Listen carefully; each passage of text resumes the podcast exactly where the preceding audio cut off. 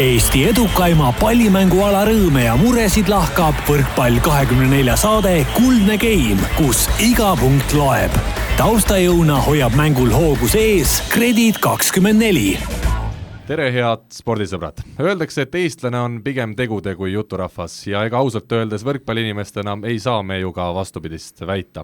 Eesti võrkpallil on käes hiilgeajad, sest esmakordselt näeb tänavusel aastal Euroopa meistrivõistluste finaalturniiril mängimas kaht Eesti võrkpallikoondist. meie võimsat meeskonda ja võluvat naiskonda. minu nimi on Karin Aldo ja nüüdsest üritan ma kord nädalas koos oma mittevõimsate ja mittevõluvate kaassaatejuhtidega tõestada, et võrkpallurid oskavad tegutsemise kõrval vahel ka lihtsalt rääkida rääkida. aeg on Eesti esimese võrkpallitaskuringhäälingu avapauguks või siis avavileks.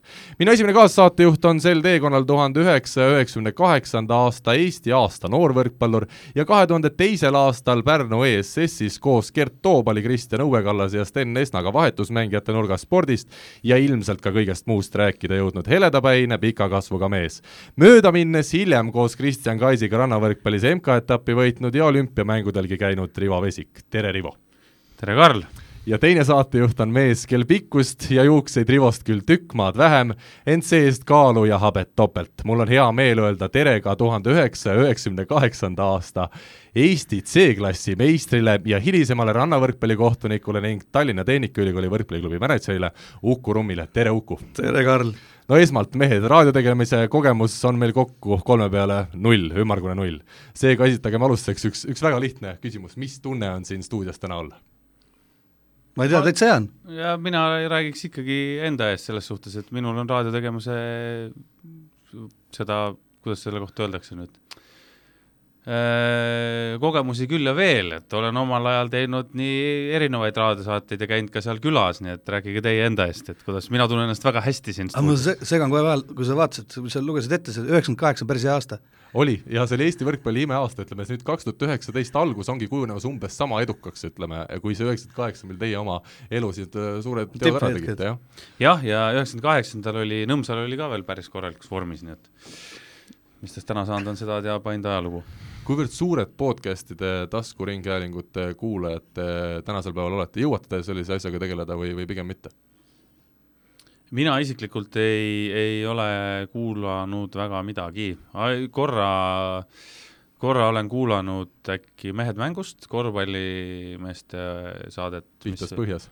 või Vihtas põhjas, ma ei mäleta. no peaaegu, suhteliselt sarnane nimi tuli. jah, ja oli täitsa äge ja, aga, aga üldiselt niimoodi ei kuule, jah mina ikka satun vahest peale. Või siis, kui nii-öelda töö juures kolleeg, kolleegid ütlevad, et kuule, et, et mine kuula üle, aga noh, et noh, Peep Pahv väga ei kutsu kuulama, aga, aga nii-öelda vahest on seal päris head teemad no kuna esimeses saates külalist meil pole, siis viin seekord saate juhtimise läbi ise, aga minu jaoks on küll üks suur eesmärk, ülesanne ka see, et teist korralikud raadiomehed välja koolitada.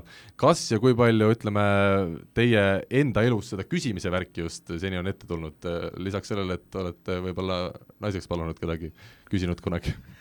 no minul ameti, ametikoht on juba selline, et kui sa ei küsi, siis, siis põhimõtteliselt nii-öelda ei toimukski nagu midagi, et et peab küsima, et aga jah.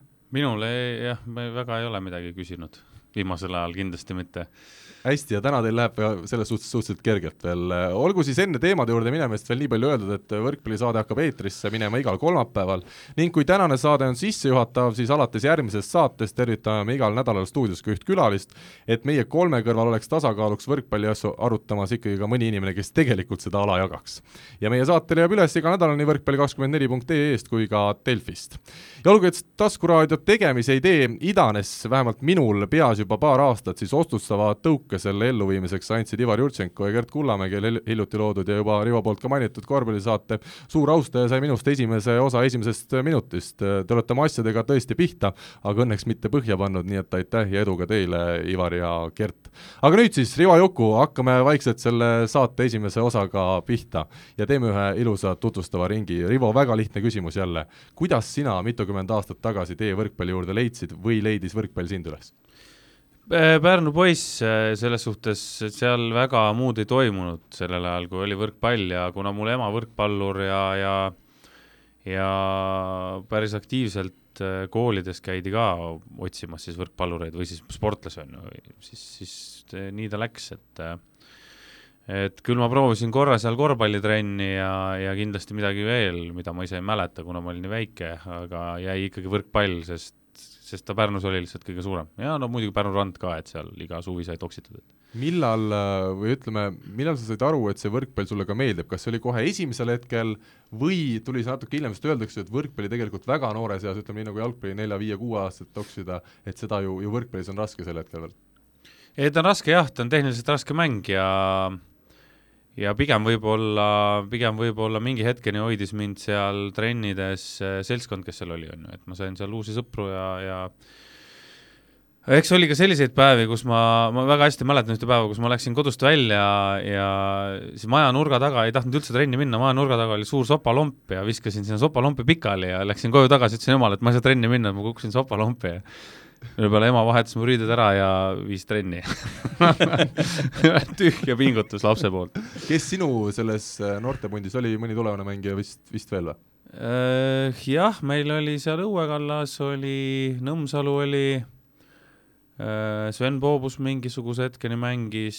mulle tundub, sa loedki ainult neid ainukese sõpra kokku praegu, kus sul on äh,. ei, ei, selles suhtes ma räägin nendest, kes nagu mingi hetkeni mängisid ja kes nagu meistriliigasse välja jõudsid, et seal oli igasuguseid kujusid põnevaid, kes, kes käis, aga aga need nagu sealt Pärnu võrkpalliklubist äh, üles kasvasid, kui nüüd keegi jäi vahele siis või keegi jäi puudu, siis andke andeks, aga aga noh, eredamad nimed jäävad ikka paremini meelde. no sa ütlesid, et võrkpall oli tol ajal, üheksakümnendatel siis äh, Pärnus ikkagi A ja O, aga millised need trennid olid, milline see noortesport äh, siis sinu lapsepõlves oli? Äh, treenid, ma, mina tegelikult läksin, kõigepealt läksin trenni Raul Reiteri juurde, kui ma olin päris pisike, siis läks Raul Soome mängima ja sealt läksin edasi spordikooli Johannes Noorme juurde kus siis sellest, seal, seal trennis olid veel Mait Pärg ja, ja Ardo Kasela ja ja Argo Meresaar ja noh, seal oli neid legende ikka päris palju. Ja siis mingi hetk tekkis Pärnu võrkpalliklubi, mis äh, tundus natuke huvitavam, Oleg Lazarev oli treener, äh, läksin sinna üle. Ja noh, trennid nagu trennid ikka, et Oleg oli hästi selline nõudlik ja, ja üsna karmi käega treener, et ta äh, küll me seal hüppasime liblikaid ja tegime kätekõverdusi geimide vaheajal, kui kellegi käest peksa saime kuskil, et et aga, aga noh, tänase päeval tagasi mõeldes, siis, siis ega midagi hullu ei olnud, et oli väga okei okay minu jaoks kas see algõpetus oli selline tagasi nüüd mitukümmend aastat hiljem vaadates, oli ta selline hea ja tasemel, tänapäeval on, on nii mõnigi Eesti võrkpallur, kes ütleb välismaal minnes, et oh ei, et meil siin Eestis tehakse ikka asju hoopis halvemini ja, ja kehvemini ja oleme ajast maast, kas, kas sina seda oma kogemuse põhjal öelda ei saa? no siin on kakskümmend aastat vahet, on ju, tänase päevaga ja ma ei võrdleks neid asju, et, et sellel ajal oli, oli õppimisvõimalusi ja, ja, ja asju, noh, oligi nagu infot oli vähem nii palju vähem, et sa ei saanud võtta lahti Youtube'i ja mingitest kanalitest Täpselt, uurida ja õppida, et treenerid õpp-, tegid seda, mis neile tundus õige ja mis neil oli spordikoolis õpetatud, on ju, või ülikoolis siis õpetatud, ja selle pealt nad, ähm, selle pealt nad siis töötasid ja, ja kui vaadata selle seltskonna tulemusi, kes sealt Pärnust tulid, siis ma ei ütleks, et nad väga halvasti töötasid, on ju. ja ma ei ütleks, et see vahe nüüd äh, tänapäevaste Eesti treeneritega on, on väga suur, võib-olla mis on tänapäevaste Eesti treenerite noh, mitte viga, aga, aga natuke on noorte treenerite hulgas on, mitte natuke, vaid üsna palju on niisuguseid niinimetatud vanakooli mehi, kes ongi oma, oma selle aja pealt tulnud ja sinna ka natuke kinni jäänud, et et kindlasti võiks vaadata rohkem välismaal ringi ja, ja tänapäeval on neid kanaleid, kus õppida nii palju, et äh, kasulikku on igal pool. ma ei ütle kindlasti, et see süsteem jälle nüüd halvasti töötaks või midagi, sest tänast Eesti koondist vaadates me, me ei saa öelda, et meil on halvad mängijad, on ju. aga, aga jah, et, et äh, natukene laiem silmaring on, on alati parem, kui, kui panna kitsast oma mingit teed ja taguda, et see on nüüd õige no et siin saates me loomulikult mingil määral üritame nalja teha, aga, aga mitte väga vägisi, aga teisalt üritame ikkagi ka Eesti spordisõpru natukene harida ja võib-olla ka mõned uued nimed sisse tuua, võib-olla mitte uus nimi, aga üks huvitav nimi ongi seesama Raul Reiter, keda sa oma nooruspõlvest mainisid, et tegelikult kui me vaatame seda, millise töö on näiteks Raul ära teinud, tulles siis Pärnust ja, ja hiljem siis juba siis tänaseni Audentese spordigümnaasiumis töötanud meie noortega Tähed, Teppanid, Raul ise rääkis, kuidas Andri Aganits tuli, võeti spordigümnaasiumisse nii, et no ega see mees sisuliselt liikudagi veel ei osa-, ei osanud, aga kooli lõpetas, oli eks ole, suurepärane teporündaja, täna mängib meistrite liigas, et selliseid uhkeid näiteid meil ei oleks, kui meil ei oleks, ütleme, Karoli-suguseid treenereid ilmselt. Jah, ja sellega oli üks äge lugu või naljakas lugu oli see, et mina mängisin sellel ajal äh, Äh, siis juba rannas ja saalis esiliigat. Raul kutsus, et davai, et tule mängi noorte poistega esiliigat ja ja kui mina Aganitse esimest korda nägin, on ju, Andri, sa täna oled sa väga tubli poiss, et kui ma, mina Aganitse esimest korda nägin, siis ma küsisin Rauli käest, et Raul, et miks ta siin on? et mis te tast tahate saada, et kas ta nagu, temast peaks saama võrkpallur? ta on oravalt. ja Raul ütles selle peale, et üks poolteist aastat, vaata, ja siis hakkab tulema ja Raulil on silma nende noorte peale, nii et äh, esimesed trennid, kui mina olin siis Aganitsaga paaris, siis noh, ütleme koordinatsiooni poole pealt Argo Meresaar võib-olla oli hullem kui tema, aga ülejäänud jäävad, jäävad ikka ülespoole Argo alguses või pärast? Äh, läbi kogu oma karjääri oli ta ühtemoodi, külili kukkus seal kaitsemängu ajal ja, ja, ja nii oli ka Aganitsa algul, et Andre, et aga jah, et Raul teeb nendega head tööd ja, ja Rauli ees müts maha, et kui mina lõpetasin oma karjääri, rannavõrkpalluri karjääri, siis äh, Raul oli üks esimese inimene, inimesi, keda ma tänasin. Läksin, viisin talle väikse meene ja ütlesin talle aitäh kogu töö eest, mis ta on teinud ja, ja tema on mind väga palju aidanud, nii et veel kord aitäh, Raul! no tuleme Uku sinu juurde, kui me Rivo puhul rääkisime naljaga, et üheksakümne kaheksanda aasta Eesti aasta noor võrkpallur, siis sinu puhul see üheksakümmend kaheksa C-klassi Eesti meistritiitel, ega umbes sinna see sinu karjäär vist jäigi? jaa yeah ega nagu mis sa jumbuna teed, ega väga ei osanud ka. kuivõrd suur võrkpallur siis sina noorena olid, kuivõrd tähtis see oli, ma tean, et pere on ju sinul läbi ja lõhki ikkagi võrkpalliga seotud? jah, nii-öelda leidub ka siin lähi, lähi, lähisugulaste hulgas, et et vennad Toobelid on mul kõik siin tädipojad ja ei, võrkpall oli, on algusest peale olnud, kui ma alustasin tegelikult nii-öelda maadlusega, ärge nüüd, ärge, ei, ärge, ärge, ärge nüüd, ärge nüüd arvake. kas sa kavatsed sinna ärge, tagasi minna? ei, ärge nüüd arvake, võib-olla keha nüüd hakkab mõtlema, et oleks pidanud sinna jääma, nii et ma olin sulg kaalus kusjuures. ja, ja, ja, ja sealt ma noppisin ka medaleid, aga siis nii-öelda tuli see nii-öelda hetk kätte, kui äh, isa hakkas Kadrinas äh, poistega trenni tegema ja siis äh, no niikuinii isaga kogu aeg kaasas saalis ja isa mängis Rivalis, siis seal kogu aeg tolknesid kaasas ja, ja siis ta nagu jäigi ja jäi ja jäi ja siis mingi hetk Mati Meriranna juurde ja no, et aga noh, pikkust ja ei ole ja ega seda oskust ka võib-olla kõige rohkem ei olnud ja, ja lõpuks oli nii, et keskajal lõpus olin oma seljaga pikalt haiglas ja et äh, aga no võrkpall on olnud kogu aeg, et nii-öelda see on, ma arvan, et see ei lähegi ära nagu mingil moel, et Lääne-Virumaast, siis seal see võrkpall vist üheksakümnendatel aastatel oli kuidagi veel väga eriline, arvestades seda kõike õhustikku, mis seal oli. jaa, see oli, see oli, see oli ikka päris korralik, noh, oleks siis neil olnud selline saal, nagu praegu on, ma arvan, et see saal oleks olnud sama pungil täis, kui oli äh, Vana Metsamaja praegu Rahuväll, et et seal oli nii, et, et ju väljaku piiridest vist oli kas kümme, kakskümmend sentimeetrit ja siis oli juba publik, et nii-öelda, Mati Korep teab kõige tähtsamini rääkida seda nii-öelda. minu arust isegi tegite trenni seal vanas kirikus, on ju? jaa, me noored tegimegi kusjuures põhimõtteliselt ainult seal trenni. kus pidi ümber, ümber posti, posti jooksma ümber posti jooksma, et nii-öelda reaalselt olid niimoodi, et oli äh, väljaku küljejoonest vist oli kas kümme-viisteist sentimeetrit ja siis tuli, tuli post kahe posti vahe oli kas mingi poolteist, kaks meetrit, et niisugune võlvialune ühesõnaga. jah, võlvialune, ta oli ikka legendaarne kirikusaal.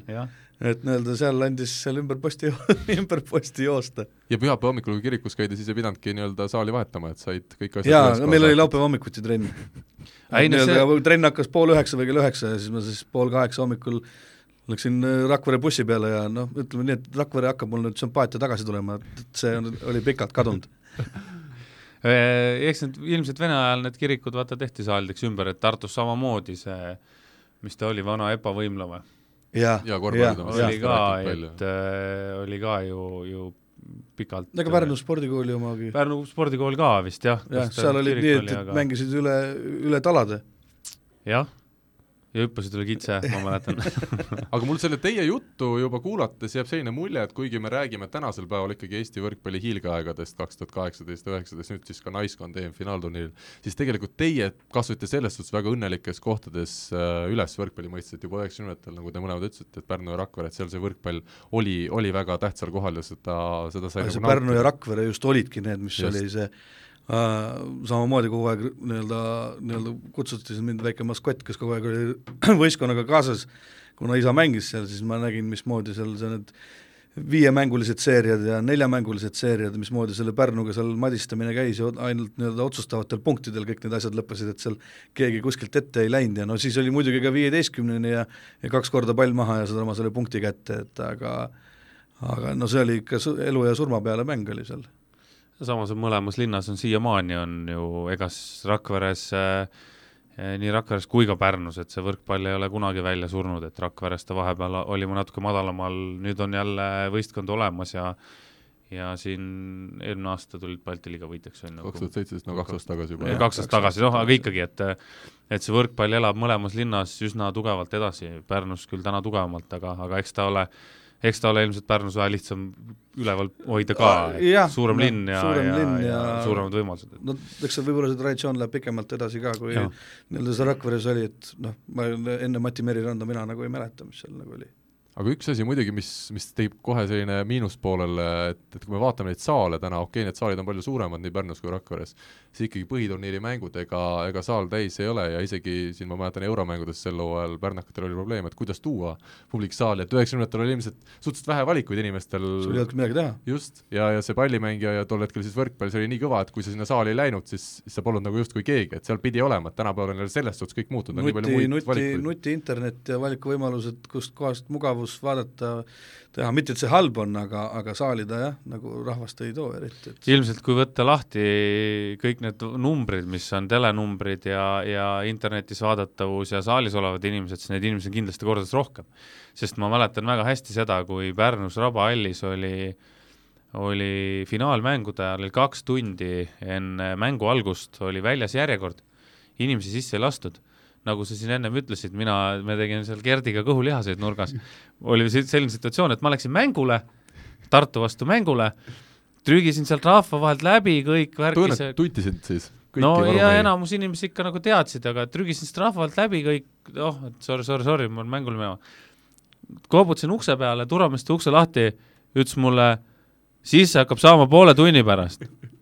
siis ma koputasin uuesti, küsis, mis sa tahad, ütlesin, et ma olen mängija, on ju vaatas mind, ütles, et, et ei, ma ei usu.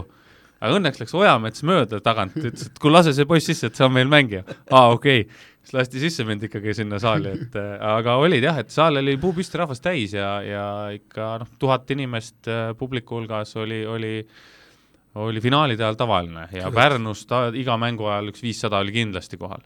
aga lihtsalt puhtalt sellepärast, et ega sul muud varianti ei olnud. ja muud väga midagi teha ka vaadata ei olnud, on ju, Pärnu Mai kino äh, King Kong tuli, siis seda vaatasid seitse korda ja, ja, ja, rohkem nagu midagi muud väga teha ei olnud, et teater ja nii ongi noh no,. tänapäeval valikut on nii palju, et seda enam, no Rakveres veel vähem seal selles suhtes. Teil, teil on, teil on kino ka, teater on ka kehva teil ju. kino vist oligi, Rakvere kohta või ei teagi, meil Kadrinas oli küll kino olemas, Rahvamajas näidati no see, kui väikselt, väikselt telerist vaadati, see ei, ei, suur ekraan, suur ekraan, aga vanad koolipingid istusid, vaatasid oma Titanicut kaks pool tundi ja siis läksid kükakel minema. aga Rivo just vaatas seda Pärnu võistkonda, kus sa siis selle aastatuhande alguses paar aastat mängisid äh,, olles just nagu me ütlesime, eks ole, varumeeste nurgas selliste meestega nagu Toobal, Esna, Õue Kallas, milline see, milline see meeskond tol hetkel oli ja kas sa, ütleme, tol hetkel ka adusid, et, et sealt võib tulla üks, üks väga kõva generatsioon? Äh, või meeskond oli väga kõva, aga, aga kuna nii noor, vaata, siis ei mõelnud selle peale, et mis sealt nüüd tuleb või mis tuleviku peale, selles suhtes ei, ei mõelnud kordagi. mehed olid kõvad, mõnes mõttes oli näiteks Gerdist oli väga kahju ja Õue Kallast oli väga kahju, kes äh, olid mõlemad ju väga head mängumehed, aga lihtsalt nende koha peal oli tugevam mängija ees. side oli vist Aavo ise, jah? Avka ja. oli jah, jah, Aavo oligi, jah äh,.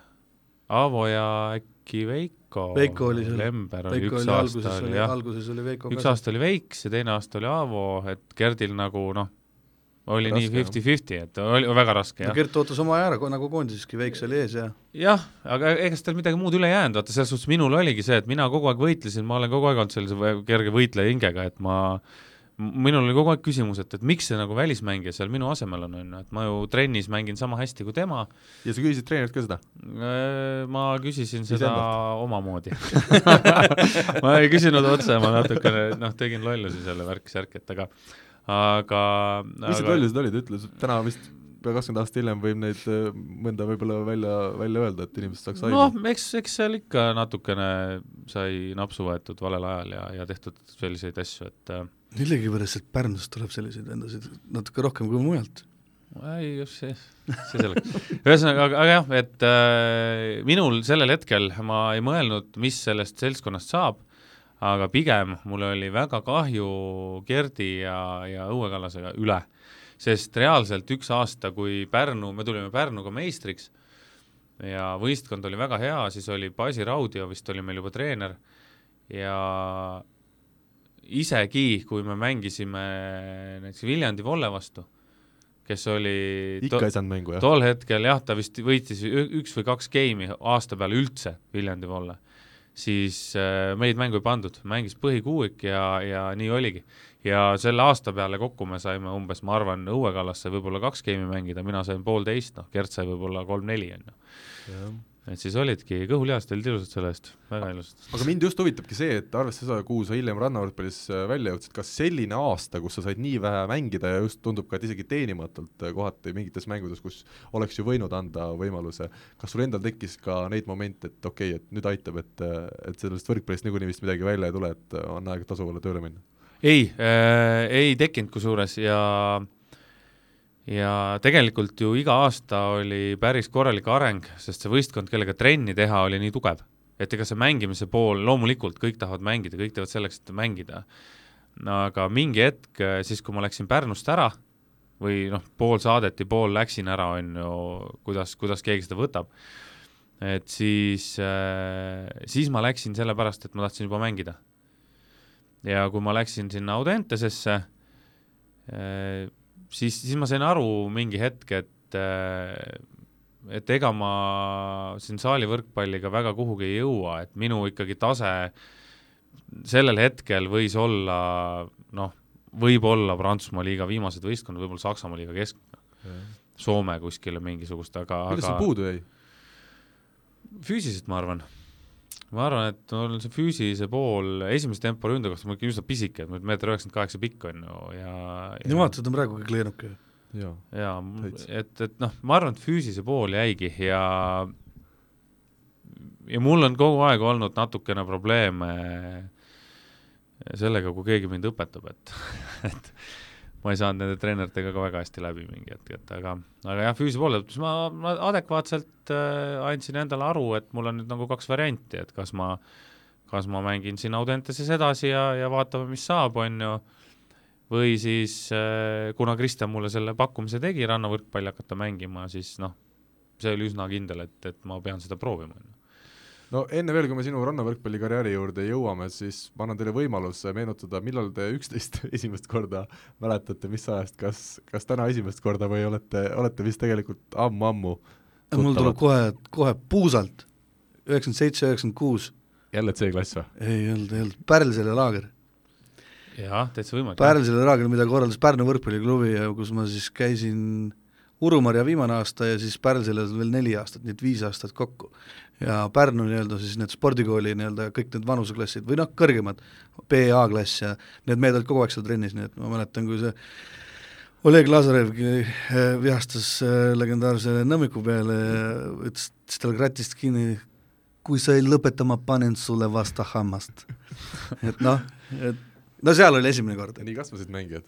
jah, nii kasvas. aga seal, äh, eks seal selles laagris kõik nende treenerite viha oli ka auga välja teenitud, et äh, kuna see oli selline, seal oli, olime meie koos ja siis olid veel piirivalvurite lastelaager oli seal või, või sõjaväelaste aasta, ma ei teagi. skaudid ja kaidid. jah, mingisugune sõjaväeline kord neil seal oli, hommikul heisati lippu ja kõik lipuplats, mis oli püha, sinna ei tohtinud astuda, võrkpallurid muidugi töllasid seal ringi nii nagu tahtsid ja saime riielda aga söök oli alati ühes kohas, ühel samal ajal koos Jah, nende skautide ja gaididega. Ja siis, kui me ootasime seal järjekorras, kui need seal oma hümni laulsid ja lipu eeskasid, siis noh, oli nagu ebavõrdsus oli seal vähe natukene. me tormasime sööma kohe, kui nemad pidid laulma. ühesõnaga äh, ja, ja noh, ma toon väga lihtsa näite taaskord äh, Jaanus Nõmsalu repertuaarist, kes on väga tore inimene ja Jaanust oleme me täna esimese kahekümne viie liiga palju liiga palju, aga Jaanus Nõmsalu otsustas lükata sellise legendaarse treeneri nagu Tõnu Õunapuu Žiguli öösel, kellega, ma ei tea, kellega ta koos nüüd seda tegi, lükkas lipuplatsile ja tegi ta politseiautoks, ma ei mäleta, mis nad sinna vilkuriteks panid või midagi. ja kui noh, ütleme nii, et kui selle eest ka karistada ei saa, siis, siis, siis, siis on midagi valesti, et äh, aga mina Aukut ei mäleta selles suhtes, sealt, sealt kindlasti mitte. Yeah, kunagi no, ilmselt kuskilt äh, see on nagu vakra moment siis, siis, kui praegu. jaa, ära too poliitikat siia praegu.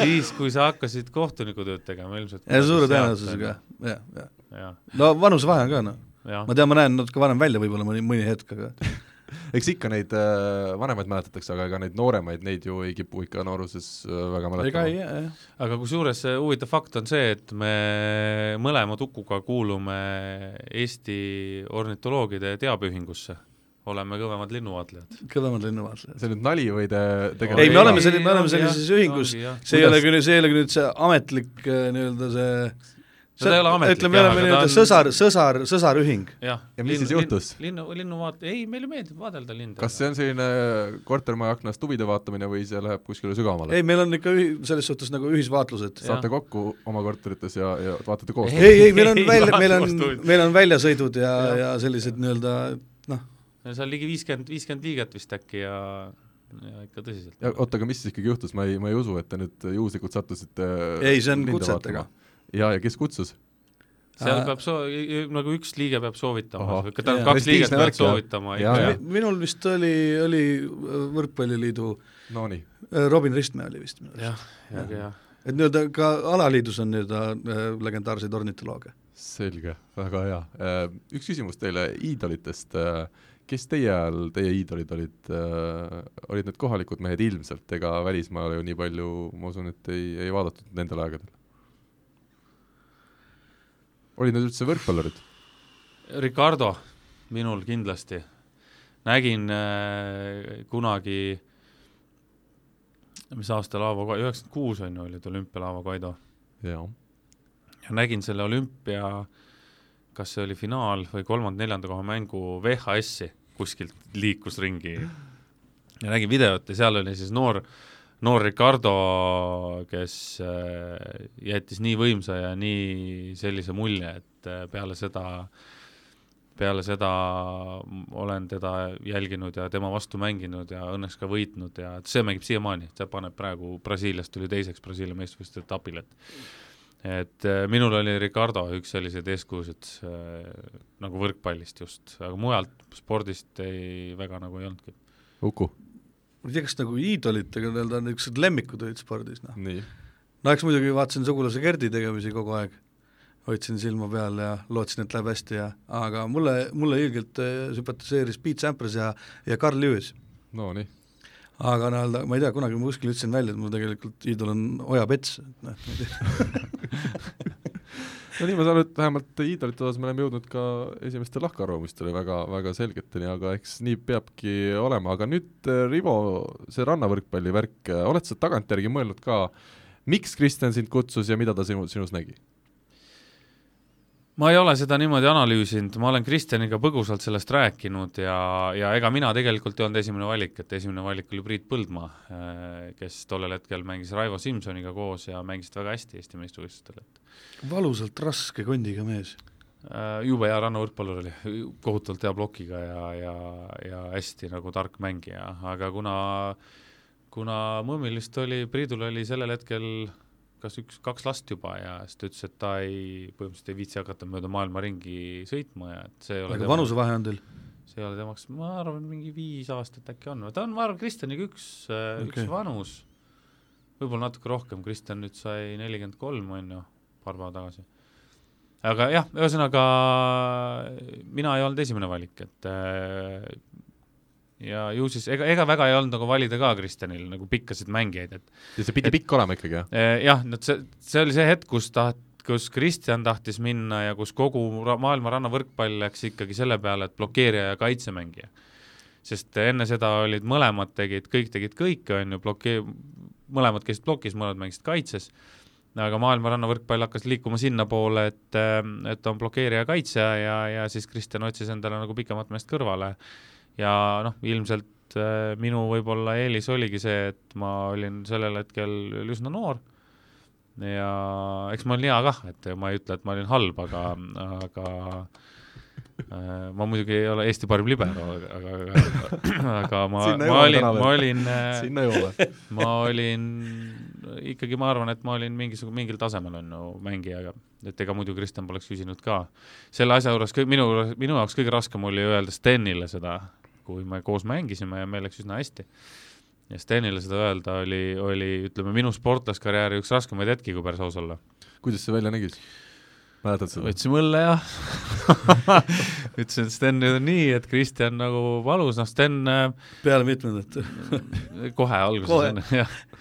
et äh, Sten äh, ma ei ole temaga sellest rääkinud äh, ma mõtlesin, et sa ei ole üldse temaga rääkinud, aga okei ei, ei, ei ei, me saame väga hästi läbi ja, ja, ja just äh, eelmine kord, kui ma Eestis olin, siis me saime kokku ja istusime natuke koos, et aga, aga Sten äh, kui ma, kui ma peaks olema siis kehakeele lugeja, nagu tänapäeval väga populaarselt on, vaadatakse poliitikuid ja asju, siis äh, Sten kindlasti natuke solvus, natuke pettus, aga, aga ta sai sellest väga hästi aru.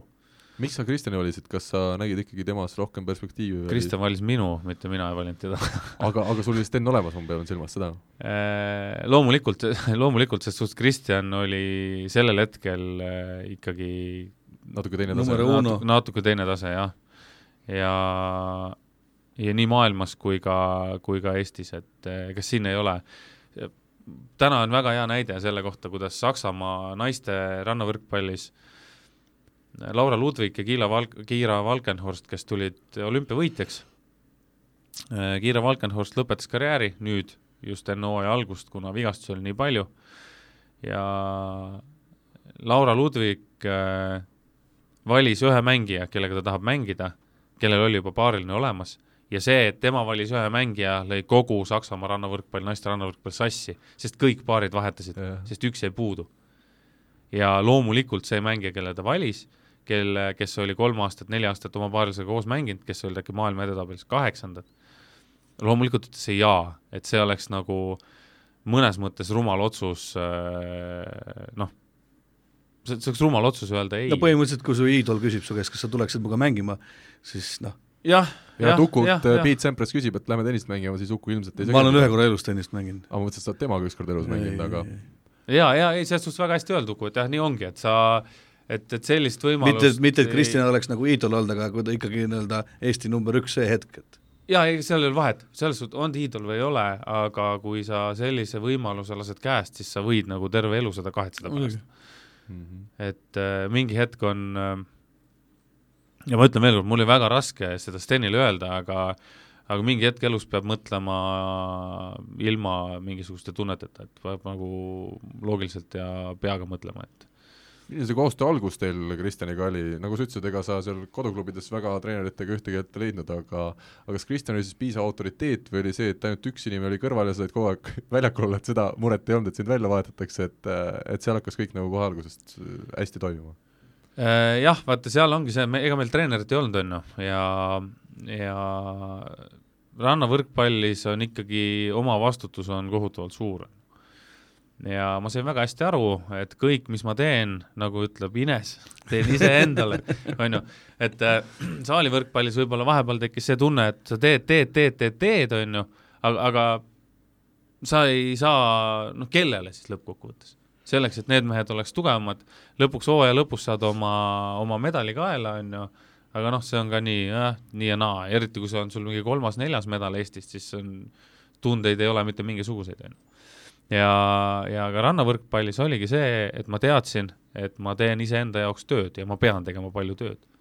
ja Kristjan, ega, ega ju Kristjan ei treeninud ega ei õpetanud, et ta suunas nii palju kui vaja, natuke aitas ja ei olnud seda, et sa pead seda tegema ja sa pead nii tegema, et äh, ise leiutasin ja ise, ise mõtlesin ja ise tulin, et trenni tehti kõvasti? Trenni tehti kõvasti jah, vastupidiselt äh, kõik, kogu ühiskonna arvamusele on rannavõrkpall väga raske ala, et äh, trenni tehti kõvasti ja, ja mina, minu peale vaadates võib-olla mulje jäi, et ma puhkasin ka kõvasti, mida ma muidugi tegin kõvasti, aga, aga trenni tehti palju, jah. Kas treeningmetoodika siis, kui sina alustasid rannavõrkpalliga, ütleme siis ma ei tea, viisteist aastat tagasi ja täna, on see väga erinev või on ikkagi rannavõrkpall kokkuvõttes üks, üks võrkpall kõik? Äh, täiesti erinev, täiesti must ja valge, et kui meie alustasime, siis põhimõtteliselt meie trennid olid nii, et et me saime Kristjani, ütleme, mina mängisin Steniga, on ju, saime Kristjani Karlaga Pärnu rannas kokku, tegime soojenduse, mängisime viis geimi, läksime koju. Ja kogu aeg niimoodi, iga päev, on ju, mõnikord kaks korda päevas ja panidki kütsid ja kütsid ja kütsid ja kütsid. mängupraktika oli hea mängupraktika oli kohutavalt hea, aga tehnilised oskused jätsid soovida lõppkokkuvõttes, et et tänapäeval kui me nüüd selle Venemaa koondisega teeme ettevalmistust, siis äh, mängulised olukorrad või mängupraktika, mingisugune sparring oli meil nüüd viimased kaks nädalat äh, laagris. Selles suhtes äh, me alustasime trenne novembri lõpus, järgmine nädal on turniir ja kaks nädalat, siis põhimõtteliselt kolm nädalat enne turniiri oli esimene sparring, kus me mängisime kellegi vastu või tegime mingeid mängul-, mängulisi asju, ülejäänud on puhas tehnika. Tuim töö, tehnika, füüsiline vastupidavus, kõikide elementide lihvimine sinna-tänna, et et see, kuidas meie Kristjaniga kunagi tegime trenni, mida venelased praegu irvitavad seal, kui ma neile räägin, et meil oli Pärnu rannas augustikuu, kohutavalt kõva tuul, kaks palli ja siis eh, kahekesi tegime trenni niimoodi, et tegime rünna, rünnakut ründasime vastu tuult, sest muidu ei oleks saanud teha rünnakut, siis pidid kuidagi sinna rannahotelli juurde palli järgi jooksma. või Kihnu poole. jah, kuhugile, et, et lihtsalt ei olnudki, ei olnud nagu mitte mingeid võimalusi ja, ja vaikselt tegid oma põlve otsas nii palju, kui said ja nii palju, kui võimalus oli, et Te lõpuks äh, võitsite siis ühe MK-etapi, vist olite maailmameistrivõistlustel seal äh, esiviis-, viikus, viisikus äh, kaks korda viiendad jah, üks, kaks korda viiendad, kaks korda üheksandad äkki või? kas nüüd tagasi vaadates oled sa nagu kõigega rahul, et, et läks nii, nagu pidi või, ikkagi sportlasena sa ootasid ja lootsid veel enamat? Ei ole kõigega rahul kindlasti jah, ma täna ma saan väga hästi sellest aru, et, et ma, ma ise oleks saanud hoopis rohkem teha asju ja aga see on selline tagantjärgi targutamine, et seda, ma ei näe sellel mingit pointi täna, et äh, et ma näen täna ja ma olen õppinud selle viimase viie aastaga, mis ma olen teinud treeneritööd, on ju, ma olen õppinud enda jaoks hästi palju, aga ma tean ka seda, et kui, et, et sellel hetkel lihtsalt keegi ei teinud selliseid asju, et me tegime täpselt nii, nagu tegi ülejäänud maailm. et oleks me teadnud seda, et noh, vot hakkame või oleks ise välja mõelnud, hakkame nüüd nii tegema trenni, et siis jah, siis võib-olla olekski saanud kohe algusest peale paremaks, aga aga ma ei, ma ei, ei, ei, ei näe nagu mõtet sellel täna, et no kui me vaatame, sina oled täna kolmkümmend kaheksa, lõpetasid karjääri ära kolm aastat tagasi, Kristjan Kais sai äsja nelikümmend kolm, palju õnne talle tagantjärele siitpoolt, kui te nüüd pool aastat korralikult trenni teeksime, vana hea ajakirjaniku küsimus, ikka meeldib küsida, pool aastat teete trenni ja vastu tulevad Kusti äh, Nõlvak ja Mart Tiisaar, äh, hetkel siis maailmas umbes kuuekümnendal kohal, kuidas see, kuidas see mäng lõpeks? mina ei, mina ei suudaks ennustada üsna kiiresti, ma arvan, ma arvan, et ma võidaks ikka Kristjaniga ära nad rahulikult. ja sa sõidad teised, jah? oota, siis kui ma olen puki, siis kui ma olen pukis või? jah, ei, selles suhtes ma ei, tegelikult äh, ilma naljata äh,, kui me saaksime füüsilise vormi piisavalt kõrgele ja kui midagi nüüd väga ei valutama ei hakkaks, siis ma arvan, et me täna mängiksime nendega fifty-fifty, jah aga ma arvan täpselt samamoodi kusjuures. sa mainisid, et see rannavõrkpall on hästi füüsiline ala, samas me näeme seal väga palju suhteliselt vanu mängijaid, millest see siis räägib või mida see näitab, et need kogemused ja ütleme, see kavalus ja mängutarkus on lihtsalt rannavõrkpallis niivõrd oluline või? Äh, üks asi on see jah, aga teine asi on see, et kõik need vanemad mängijad, nad füüsiliselt, neil ei ole vigastusi, neil ei ole midagi viga. Nad suudavad oma füüsist hoida, äh, nad teevad kordades rohkem selle jaoks tööd, et olla seal tipus, on ju, ja füüsilises vormis ja samas on neil hästi palju kogemusi ja, ja noh, miljon korda rohkem servi vastuvõttu kui sellel kahekümne kolme aastasel poisil, on ju. no rannas on veel parem ka selles suhtes, et nii-öelda ei põruta nii palju, pehme liiv ja soe kliima. jah, need, need, kes on, need, kes on alustanud rannast, seesama Ricardo on ju, ta pole mm -hmm. kordagi saali mänginud. Need, kes on alustanud rannast ja mänginud rannas, et neil on vähem vigastusi. muidugi müstiline mees on John Hayden äh, USA-st, kes on äh, nelikümmend kuus äkki või? ja mängib. ja siiamaani mängib jah, minu arust tuli, võitis viimase AVP etapi USA-s. ja ta on ju, oli kas Atlanta või Sydney olümpiavõitja, ma ei mäleta, kus need võitsid, USA ammu-ammu, jah. ammu, väga ammu, jah, ja nüüd on, paneb rannas siin, tahab saada olümpiale veel. Aga mis see peaks olema, mis sind tagasi tooks, kas äh, sul vist ikka mingi hetkel ka tervis äh, andis märku, et äh, oli, oli see see peamine põhjus või oleks täna miskit, mis kolmekümne kaheksa aastase mehe tagasi tooks? või on säde kadunud? jah, pappi oleks kõva, kõvasti vaja, raha ikka raha, mis siin muud on, äh, kusjuures mängisin laagris äh, ühe poisiga Venemaa siis tänasel hetkel teise paari vastu ühe game'i ja kakskümmend kuus, kakskümmend neli kaotasime nippa-nappa ja nad mängisid veel minu peale.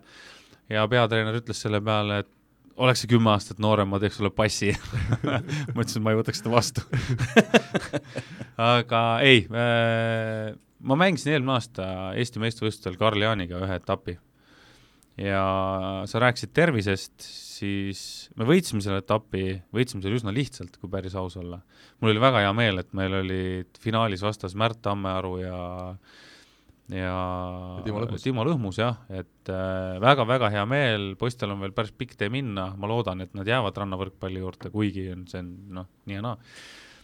aga, aga päris ausalt ütlen sulle, et äh, peale esimest päeva ma mõtlesin, miks mille pärast ma siia ronisin, sest mul oli nii valus, et ma, ma sõin õhtul enne magamaminekut ära neli ibuprofeeni, hommikul samamoodi.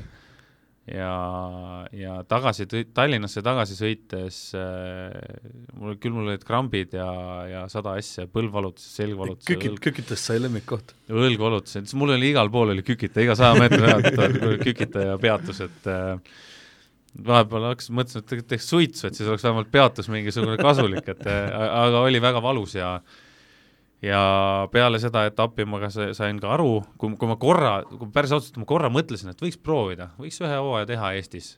aga peale seda etappi ma sain aru, et see on nii jõhker töö, mida ma pean tegema oma kehaga esiteks, et sellel ei ole mingit pointi.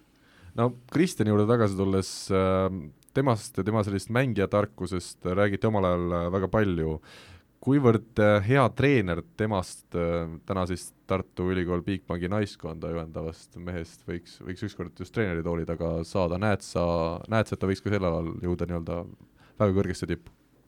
ma arvan küll jah, Kristjanile on ju pakutud ka nii Tartu võistkonna peatreeneri kohta kui ka muid variante, et äh, et ma ise siin vahendasin mingi hetk talle kontakti mitte Saksamaale, aga Austriasse.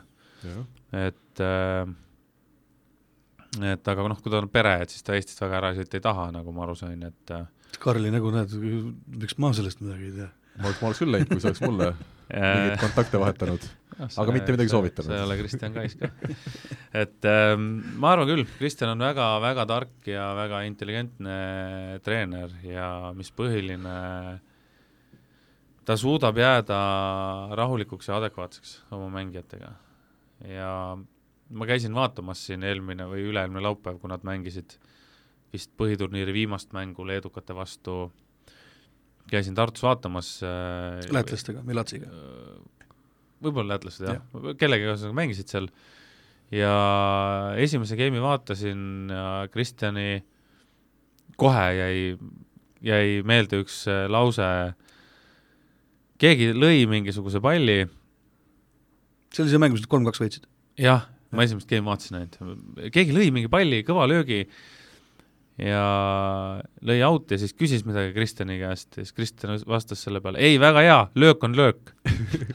Nagu vise on vise Andres sõbra poolt korvpallis. täpselt, löök on löök, anna tuld. et äh, jaa, sinu vast-, vastus sinu küsimusele, ma arvan, et kui Kristjan äh, nagu pühenduks sajaprotsendiliselt mingisugusele treenimisele ja kui selle asja taga on korralik süsteem, siis ta on väga hea treener Uku, tuleme natuke sinu juurde ka, muidu, muidu lähed stuudiost nii välja, et ühtegi sõna sisuliselt öelda ei saa. ei, praegu on okei okay.. praegu on okei okay,, nii meeldibki äh, lisaks sellele, et sa nii-öelda rannavõrkpalli kohtunikuametit pead, sa oled siis Tallinna Tehnikaülikooli mänedžer ja, ja abitreener nii meeskonnal kui naiskonnal, ole hea, ütle, kuivõrd kerge või raske see töö tänasel päeval on, nagu me teame, siis ega Eesti pallimänguklubides äh, raha leidmine, see on, see on ikkagi väga keeruline töö. No see ei kõla hästi, aga ega nii-öelda kui sa ei tea kedagi, kes ei tea kedagi, kes kuskilt varastab midagi, see on küll pahasti öeldud, aga äh, üheteistkümnes äh, aasta läheb mul seal ja noh, hullemat aastat pole minu selle üheteistkümne aasta jooksul olnud, ma mõtlen nagu leidmise, leidmise poolest, et küsi, sa ütlesid seda eelmine aasta ka, et pole hullemat olnud. aga tulebki iga aasta hullemaks läheb. vaat, mis on toimunud. aga milles see asi on, oled sina suutnud seda ise välja mõelda, miks äh, ühtpidi majandusel läheb justkui paremini, samas kui me vaatame just neid klubisid äh,, ei, ei tundu, et, et paremini läheks? no ikkagi kõigil. on see teema ka, et, et nii-öelda, et kui nad, mis ma, mis ma saan nagu vastu? jah. Teine teema kindlasti selle juures on see, et väljundeid on nii palju jälle, millest me rääkisime, sellest tuhat ala äh,, ei, isegi mitte tuhat ala, vaid see äh, publiku saali tulemisest, et Täpselt. täna on, toetajal on ka, tal on Facebook, tal on Instagram, tal on kõik teised asjad, et äh, paljud küsivadki, et miks ma pean sulle sinna särgi peal selle logo saama mm. -hmm. Mm -hmm. ei no ega ta no selles suhtes, ta ei ole lihtne, aga nii-öelda äh, vahepeal on küll siin olnud mõtteid, et, et äkki peaks nagu võib-olla äkki keegi teine tuleks ja võtaks ja teeks, aga aga siis, kui vaatad, kus nii-öelda meie juurest need poisid läinud on ja, ja nii-öelda no see, et, et nii-öelda Marko Metti lause on väga hea lause, et nii-öelda me üritame kasutada neist normaalseid inimesi, et nad saaksid elus hakkama. ja et see haridus, mis nad sealt saavad, nii-öelda noh, see on nagu see nii-öelda, nagu mingisugune motivaator, et nii-öelda tahaks nagu saada ka midagi nende meestega kaela aga noh, kui su suured sul siin juba poole hooaja peal koputavad ukse peale nendele poistele ja ajavad igasugused kägu sinna kõrvade vahele, siis noh, praegu ütleme nii, et mul on nii-öelda motivatsioon seda nii-öelda rohkem küsima minna ja uurima ja need koostööpartnerid leidma on nagu rohkem, kui nii-öelda on olnud, sellepärast et see punt, mis, kes meil praegu on nii-öelda nagu isu oleks seal, tahaks ikka, et nendega koos midagi saada, et et on olnud kuldaegu ka siin nüüd noh, noh, mitte kuldaegu, meil on üks, üks nii-öelda kuld on kätte saamata. et nii-öelda karikavõit on olemas, palju see vana Schenkerliiga võit on olemas äh,, superkarikavõit on olemas, et nii-öelda Eesti meistrikad on veel puudu, et noh, et kahjuks vist see aasta jääb see tulemata, loodame, et kõik on veel võimalik muidugi, aga, aga kui noh, eks sa varsti niikuinii küsid seda. küsin et, et äh, kapten äh, Balti liiga või Kredit kakskümmend neli liiga põhiturniiri resultatiivsem vend, meil siin kahjuks jah, Väänase hüppeliigest päris korralikult täna on esimest päeva ilma karkudeta, et äh, Pärnu vastu ilma temata äh, kergemaks ei läinud meil. no olgem ausad, Pärnu vastu oleks niikuinii raske, ega ka, ka koos temaga on ju, mul on üks küsimus Ukul, tohib, ma küsin ma just tahtsin öelda, et annaks võimaluse teil üksteise käest midagi küsida ja Rivo juba loeb mu mõtteid mul on, äh, mul on väga huvitav küsimus selles suhtes äh,, sa ütlesid praegu, et äh, suured käivad hooaja keskel juba rääkimas, on ju, kas see on lubatud tegelikult, kas see on nagu, kas, kas see on reeglitega kirja pandud või kas sa arvad, et see see aga kas see on eetiliselt okei okay?? see ei ole eetiliselt okei okay et kas siis nagu noh, aga Mi, see on, see on puhtalt nagu oma see on, huvi, on ju? see on teatud meeste stiil. taktika, stiil. aga sa nime praegu siin välja ei ütle meile, mis mehed on, on ju? ei no siis noh, mis ma selles suhtes, et nii-öelda palju, palju klubisid meil Eestis ei ole? ei, palju klubisid meil ei ole, aga no Aavo taktika on seal aastast aastasse. tervitused no., Aavo, sulle! mis, mis, mis mind panigi nagu imestama, et äh, nii palju, kui mina tean, siis äh, ma ei ütle, et Aavo nüüd praegu on siin jaa, ei, ei, seda, et, et, et see on Aavo, Aavo taktika olnud nüüd aastast aastasse. ei peagi kellelegi kuskile mingeid puid alla panema, aga aga nii palju, kui mina olen kuulnud mujalt maailmast või, või kas või jalgpallist või korvpallist, siis minu arust on see isegi reeglitega keelatud. Mm.. et sa ei tohi enne lepingu lõppemist? enne lepingu lõpp, enne hooaja või lepingu lõppemist sa ei tohi nagu aga samas Robert no, Täht mäletame eelmist aastat. Robert Täht, võta eelmine aasta Tartu-Pärnu mängisid äh, hooaja viimast mängu omavahel, äh, Tammearu oli ju äh, Pärnu ridades, kuigi on juba leping tehtud. aga ma mõtlengi, et isegi maailma tippklubides, et Robert Täht eelmisel aastal Lubini Kuprumist minu arust see tuli millalgi kevadel enne hooaja lõppu, et järgmine aasta on, on mees Türgis ja ja, ja ju, ju siis ikkagi jah, niisugune asi toimub tahes-tahtmata see võidusõit ju hakkab. reglementeeritud. ei, ta ei, ta ei ole jah, selles suhtes kõlab muidugi hästi koledalt, on ju, et võiks ju käia ja, ja õõnestada kõiki sellest, kuule, tule järgmine aasta, ma maksan sulle miljoni ja tegelikult ei saa midagi või tegelikult ei tulegi järgmist aastat. seda on vist võimatu nagu ju kuidagi takistada, ütleme, sa võid ju inimesega rääkida igal juhul. jaa, ma võin, jaa, ei, ma võin seda- täpselt jaa, samamoodi seda- rääkida ju. seda on ka raske kontrollida, ainult et mul ei ole seda nii-öelda mammonat seal seljakotis nii palju, et öelda, et kuule, et ma luban sulle seda. aga sa valeta. Nagu vaata, tuleb vist välja, et ma olen ainukene vend, kes kui nii-öelda pressikonverentsil öeldakse, et mis see eelarve on, siis mul ei ole seda virtuaalset osa. et ma nagu ütlen, mis mul on ja see mul on. Bitcoin ei ole teil et jah, et ei ole nii-öelda Reiu Tilgo legendaarne lause iga aasta, et meil on see osa, aga virtuaalne osa on meil see. et noh, kas sul on see või sul ei ole see? ütle, et mul on see, aga me tahame nii palju juurde. et noh, selliseid nii-öelda aga te-, aga teine küsimus ka nagu sul, sulle, sinul kui mänedžeril, vaata ma, mina selle poole pealt väga ei et ma täpselt samamoodi täiesti võhik ja ma kuulen seda ja loen seda, mis nagu le- ajalehed kirjutavad, on ju. et äh, et kas, kas see vastabki nagu tõele, et kõik klubid lähevadki miinusega vastu hooajale ja siis on umbes, et vaatame, mis saab situatsioon? mina teiste kohta ei oska öelda, aga täpselt samamoodi nagu mis kirjutavad või mis räägivad, me ei ole läinud ükski aasta miinusega peale. no selles suhtes, et eh, tahaks nii palju juurde või midagi ma tahaks, alati tahaks ei no juurde. seda küll jah ja, see, selles suhtes on rumal küsimus. aga, aga nii-öelda, et sa lähed, et et et sa tead, et sul ei ole midagi, et äkki läheb nüüd untsu, on ju, et sedasi ei lähe ju, selle riski peale ei lähe keegi, eks ju. no, neid võlgu olemisi, noh, neid neid kindlasti nagu on, aga nii-öelda miinusega, sest nagu see võlguolek ongi miinus ju selles suhtes. jah, seda mõtlengi noh, et neid on kindlasti. kes kui palju, kuhu, ma ei tea, see on põnev teema kahtlemata, aga ma vaatan, et meil on viiskümmend minutit juba saadet äh, jooksnud ja meil on veel äh, teemade juurde minemata. me ei ole teemade juurde jõudnudki veel. nii et me laseme vahepeal ühte ilusat äh, kõlli ja, ja oleme, ja oleme kohe tagasi.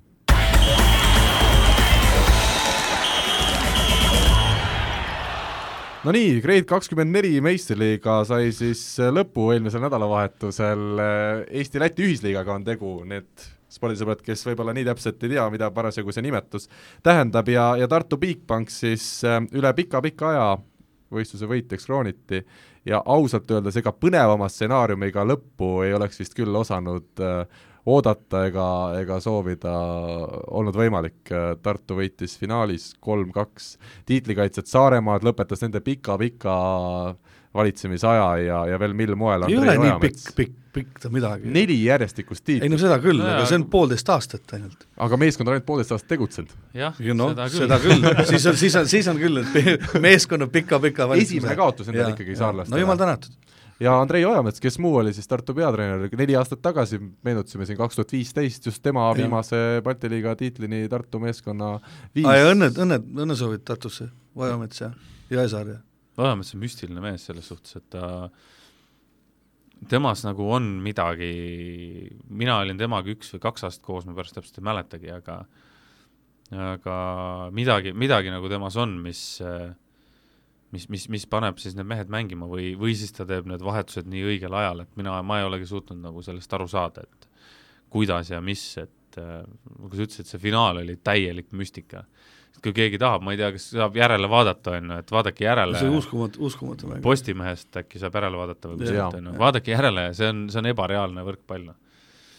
aga samas, nii nagu minu arust ka Andrei ise pärast mängu väga ilusti ütles, et mis see siis see võidu tõi? Ja tema ütles ausalt, see oli õnn ja seda õnne peab vahel olema, kui me vaatame seda matšpalli viiendas game'is, Saaremaa oli juba mängu sisuliselt võitnud, mängijad jooksid väljakule pärast seda, kui Märt Tammearu ründas palli selgelt out'i, aga vist Mihkel Tanil oli seal kõhuga natukene võrgus ja, ja jäi see punkt tulemata, jäi see tiitel tulemata, et see on Mihkel väga väikestes Mihkel, asjades Mihkel. Tanil on ennegi kõhuga võrgus.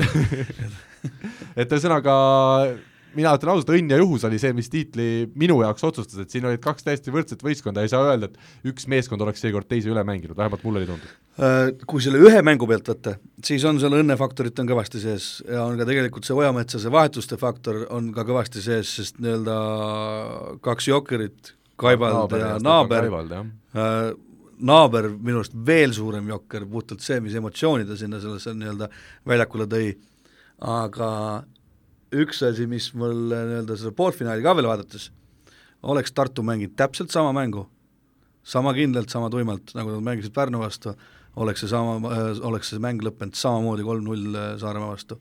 täiesti surmkindlalt. jaa, ma, ma aga noh, finaal on finaal äh,, emotsioonid on teised äh,, rõhk on teine, aga, aga no mina arvan, Tartu vääris seda võitu.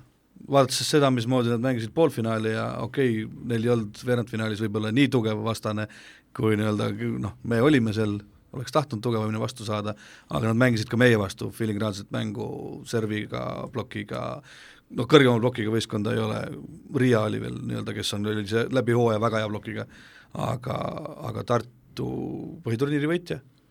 Ma ei ole nõus Ojametsaga, Andrei on nii tagasihoidlik vend, et ta ei hakka endale käega vastu rinda lööma ja ütlema, et ma, mina tegin ja mina nüüd olen see kõva mees siin. see oli äh, õnn, kui palju seal õnne on äh, see, et nüüd üks mees on kõhuga võrgus, on ju, sest tegelikult ju Tartu Tartu oleks pidanud võitma ka selle viienda game'i üsna kindlalt, on ju, et nad ise hakkasid seal natuke kaksteist seitse väristama või midagi ja siukest. kuus, kaks, kaksteist, kuus ka- seitse. jah, et ise hakkasid väristama natukene, ma ei ütleks, et seal nüüd väga midagi super õnnega pistmist oli. et see, kas see ju Tanil oli võrgus, siis Tanil oli võrgus, see oli pigem Tanila viga, mitte, mitte Tartu õnn, on ju. ja mina ikkagi arvan, et seesama Ojametsa kaks vahetust ja see, et äh, Kevin Soo, kes mängis muide väga hästi kõik need mängud, kus ta oli Mart Naabri asemel, on ju, algul natuke rabedalt alustas seal veerandfinaalides, aga muidu mängis ikka super hästi.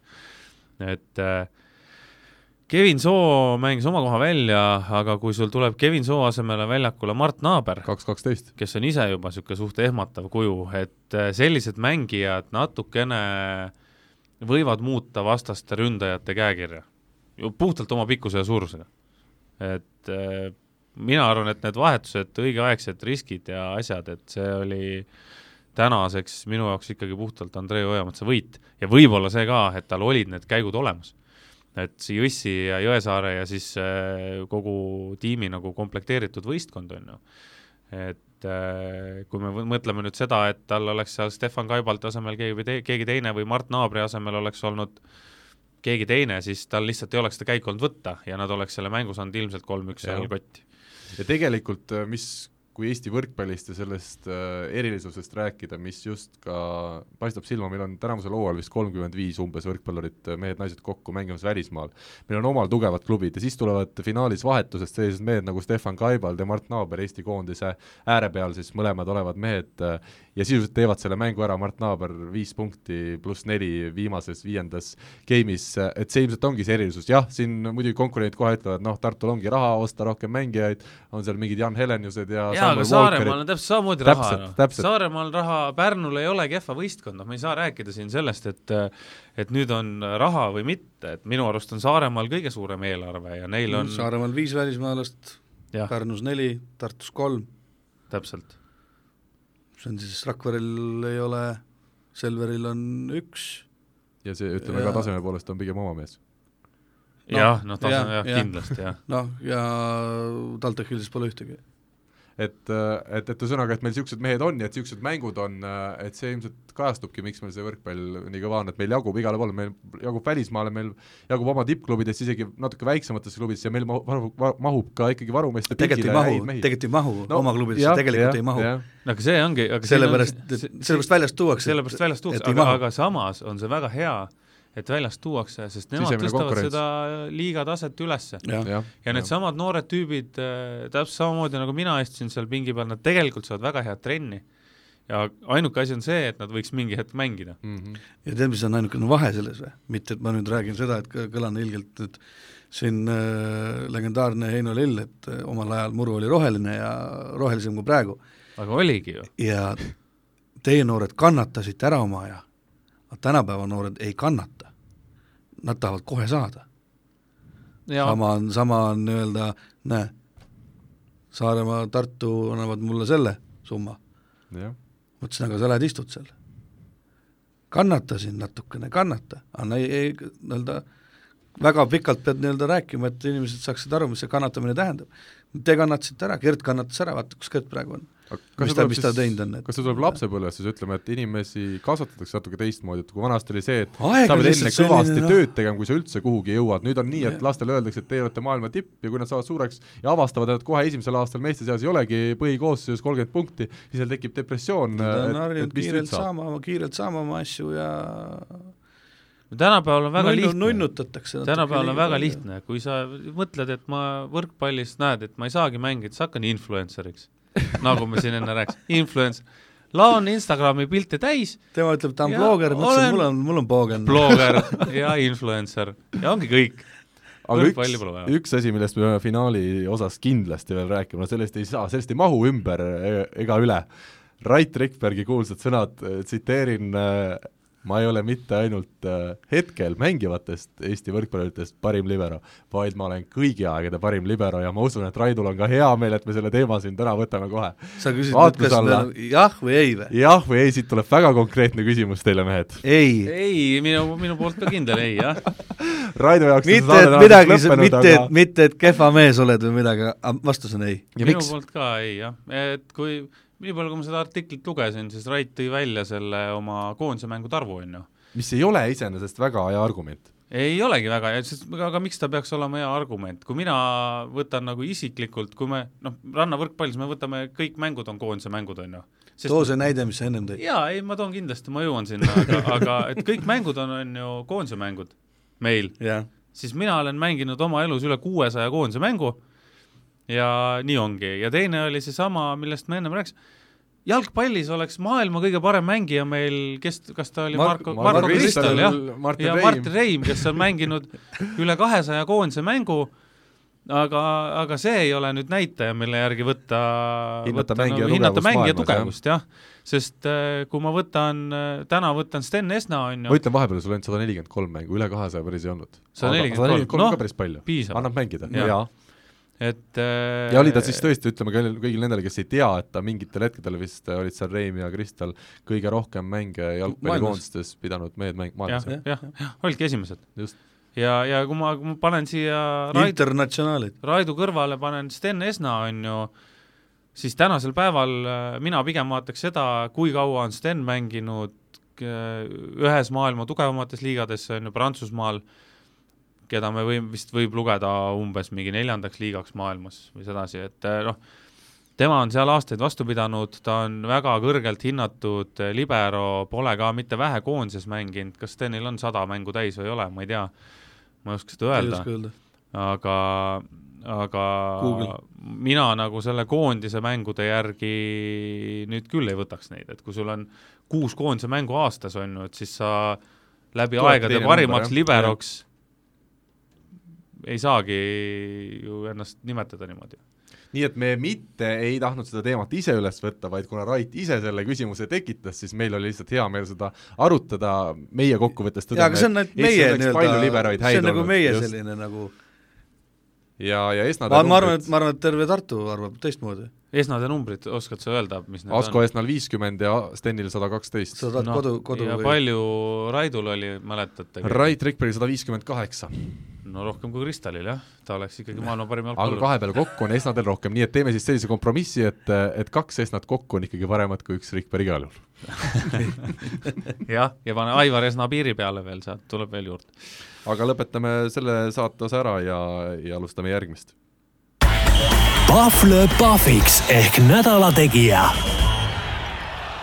no nii, nädala tegija ja Pahv ennustusportaal on siis see, kes äh, selle nädala tegija väikese auhinna hääletajate ja arvajate vahel siis äh, välja paneb ja selle me ka pärast saadet loosime välja Facebookis, tuletan meelde, võrkpalli kakskümmend neli punkt ee Facebooki lehekülg on see, kust ka meie podcast'i kohta saab palju teada ja võrkpalligrupp siis Facebookis see koht, kus need hääletused iganädalaselt hakkavad toimuma. esimene toimus siis juba sel nädala, selle nädala alguses teisipäeval ja Rene Tepp on ülekaalukalt vist kuuskümmend üheksa häält äh, enne, enne saate algust. ja ei ole vist ka tõesti küsimust, miks ta eelmise nädala parimaks äh, mängijaks valiti, jaa, ütleme ära, et Oliver Vennos mängis siis sel nädalal oma CEF kapi mängud ja temast räägime järgmisel nädalal pikemalt, aga Rene Tepp on kakskümmend kolm punkti, pluss kakskümmend Belhatovi Skra Poola meistri võidumängus äh, meistrite liigas Berliini üle. tänu sellele võidule, tänu sellele mängule pääses siis Belhatov üle noatera meistriliigas veerandfinaali ja eestlased siis seal saab Peterburi seniidiga peagi mängima hakata, aga see, mis selle mängu veel eriliseks tegi, oli see, et Teppan ei mänginud oma põhikohal diagonaalis ainult, vaid ta lõi ka keskelt, kui ta oli eesliinis lõi keskelt ja niisugust asja me tippvõrkpallis väga tihti ei näe ja, ja väga hea meel, et me nägime seda just Teppani esituses ja, ja hästi tegemas. kõva sõna selles suhtes äh, äh, näitab ikkagi mehe sisu päris kõvasti. nagu meie Muserski siis või? Jah, teeb, mis tahab põhimõtteliselt väljakul, et äh, ma olen täiesti kindel, et kui Rene, Rene oli nurgaründaja, on ju, et ta saaks vastuvõtuga ka hakkama, et äh, Äh, üllatav käik poolakate poolt muidugi, aga olude sunnil? no jah, olude sunnil, ei ole midagi teha, aga see, et Rene sealt tuli sirge seljaga ja ilusas seikel paigas tuli välja, et äh, müts maha. see on väga positiivne, väga, väga hästi. midagi, midagi nagu öelda, et äh.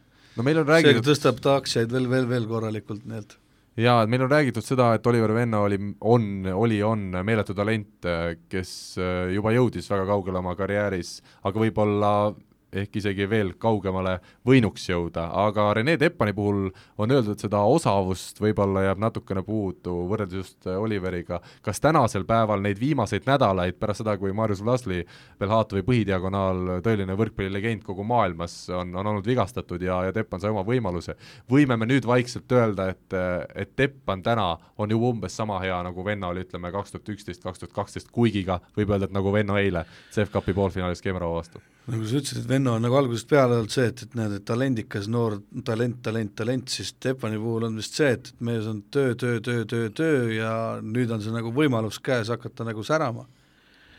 aga ei no ma arvan küll, kindlasti. kui kõrgel ta siis on täna, on ta maailma ma ei tea, kümne-viieteist parema diagonaalründaja hulgas või mitte päris vist? veel? kakskümmend äkki. Jah seda idee järgi saaks internetist järgi vaadata, mis see skoorerite tabel seal meistrite liigas on, aga aga mina isiklikult ei võrdleks äh, kaks täiesti erineva stiiliga mängijat. jah, ei noort, noort Oliveri Teppaniga ega, ega ka tänast, et äh, nad on täiesti erineva noort Teppanit ei annagi kellegagi võrrelda Nad on erineva stiiliga mängijad, nad on äh, Nad mängivad erinevates liigades täna, nad mängi- ja mõlemas liigas, nii Poola liigas kui ka Türgi liigas on täiesti erinev võrkpallistiil, on ju.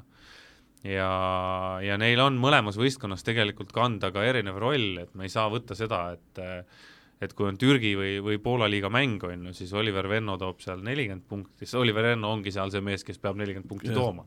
samamoodi nagu Beltšatovis on Vlasli, kes peaks tooma, on ju, aga, aga täna on õnneks äh,, on see Rene Teppan, on ju, kes seal teeb tegusid ja, ja möllab ja ja veel kord ülipositiivne, üliäge, et, et Rene on leidnud nagu enda jaoks sellise õige koha.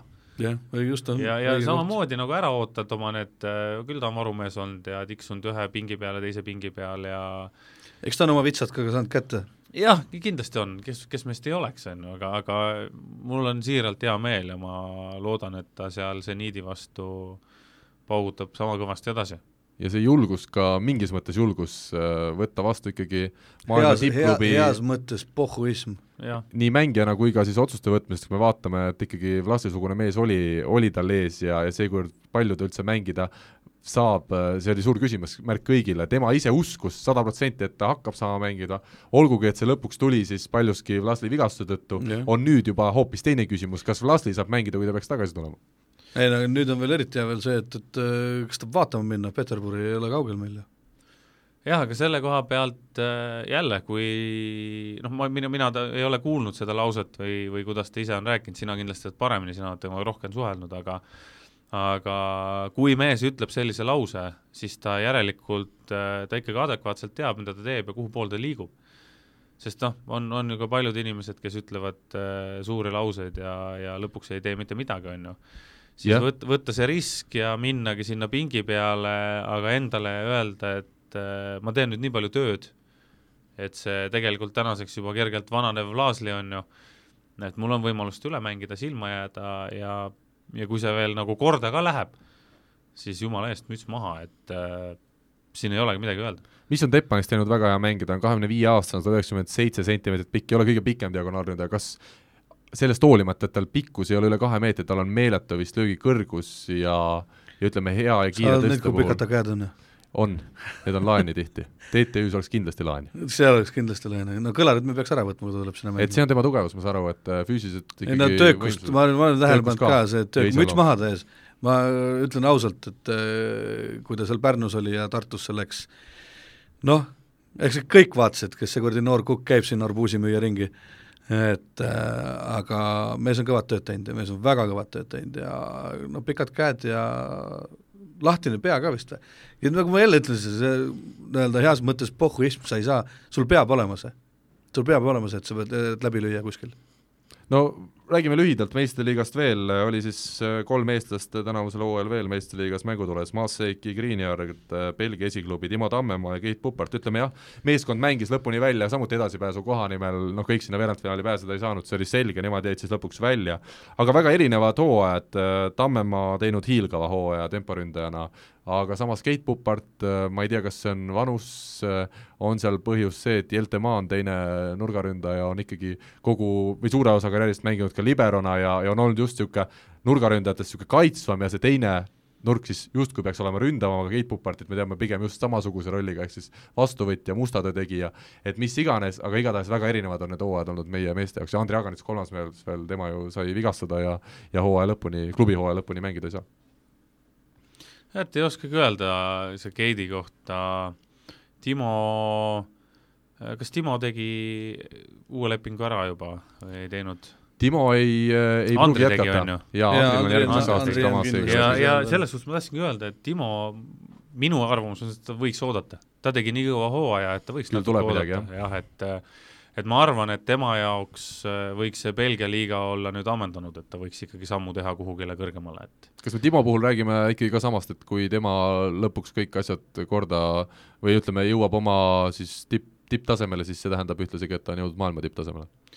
Üsna lähedale sellele jah, sest temal on ka, tal on ikka kosmilised äh, füüsilised eeldused, et see tüüp suudab hüpata ja lüüa nii kõrgelt, et see uskumatu vaatepilt on lihtsalt kui ta pihta saab, on oma kõrguse pall, pealt siis pall on äh, õige koha peale antud, noh siis see on ma arvan, et Eestist läks selles suhtes õigel ajal ära, et ega meil siin sidemängijad ei jõua kõrge, nii kõrgelt tõsta varsti enam, kui sa, kui ta lüüa tahab, et et ei saa, ei saa siin mängida, et ta natukene meenutab mulle siin äh, seda noort Basitskit, kes oli Deniss Petroviga koos ja. Selveris, noh.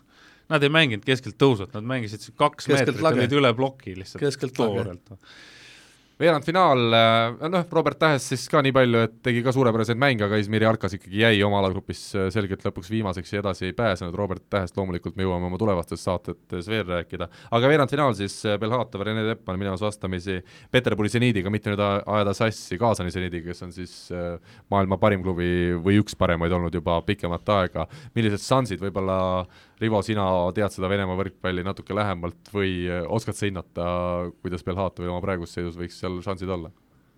vot ei teagi, selles suhtes äh, ega see Peterburi seniit, äh, ta ei ole nagu kõige stabiilsemalt mänginud.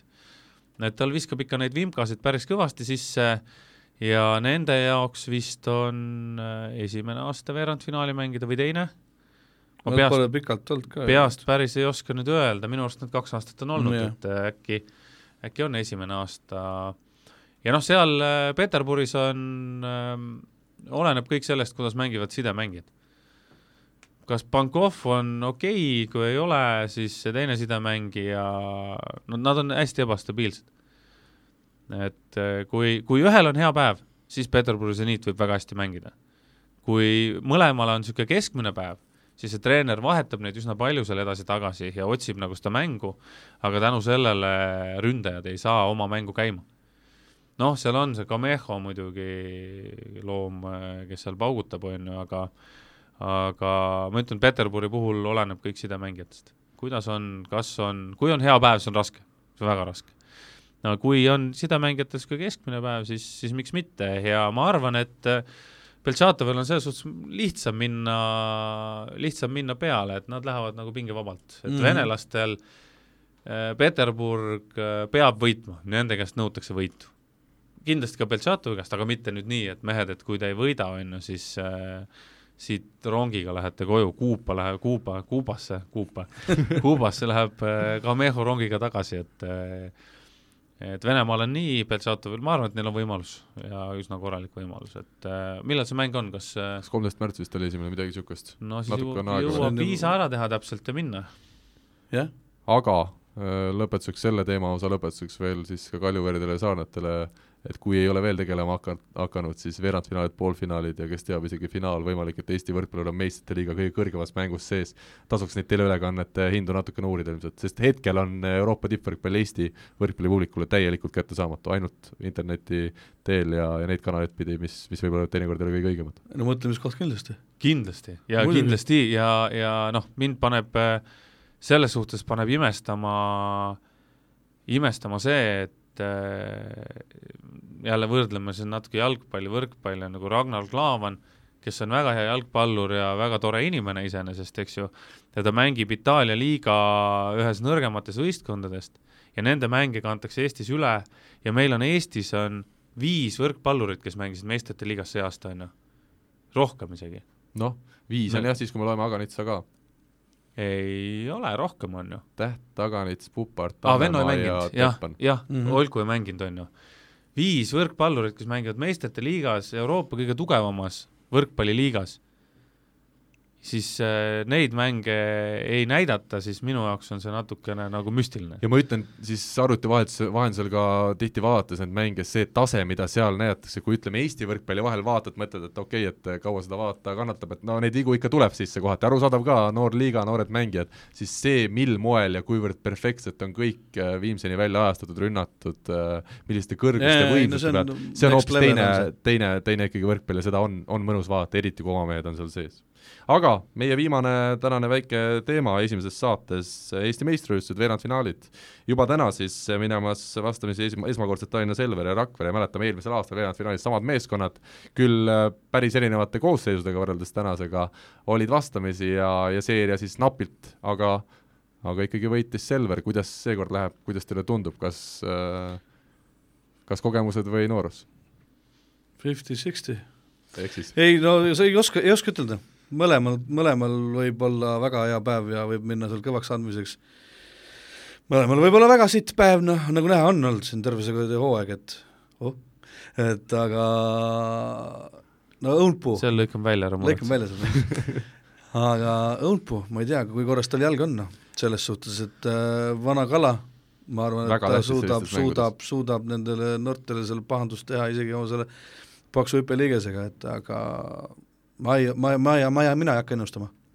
ma arvan sedasi, et kui nüüd äh, äh, teades Andres Õunpuud üsna hästi, milline inimene ta on, siis küll ta väljakul ma arvan, et ta on täna olemas.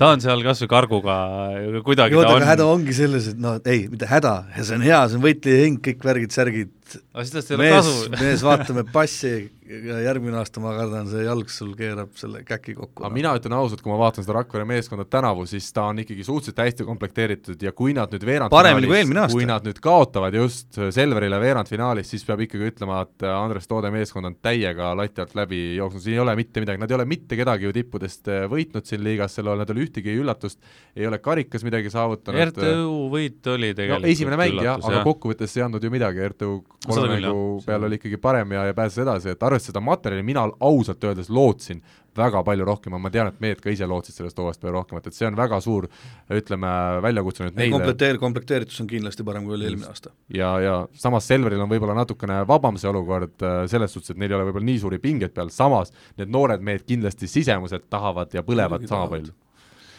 et ei teagi nüüd, kas Selveril on pinged peal või ei ole, sest kas ju Selver pole siin ka suurt midagi võitnud viimastel aastatel. Kas ta eelmine aasta võitis midagi? ei suurt ei võitnud, aga üle-eelmine aasta? Nad ei mäleta Eesti peast meistriks. niimoodi. Rainer Vassiljevi kahel viimasel hooajal tulid Eesti meistriks. Ei aga, aga pärast seda noorenduskuuri ei ole, ei ole võitnud ja ilmselt nüüd vaikselt hakkavad need viljad kandma ja kes teab jah, kui kaugele Ja nemad pärast seda noorenduskuuri, mis toimus enne seda hooaega. jah, ei, aga, aga nüüd päris, päris aus olla, siis mina, mina ma ei, mina ei oska, mina näiteks ei oskaks ette, ette esile tõsta mitte kedagi sealt, noh. Mina paneks praegu puhtalt panuse selle peale,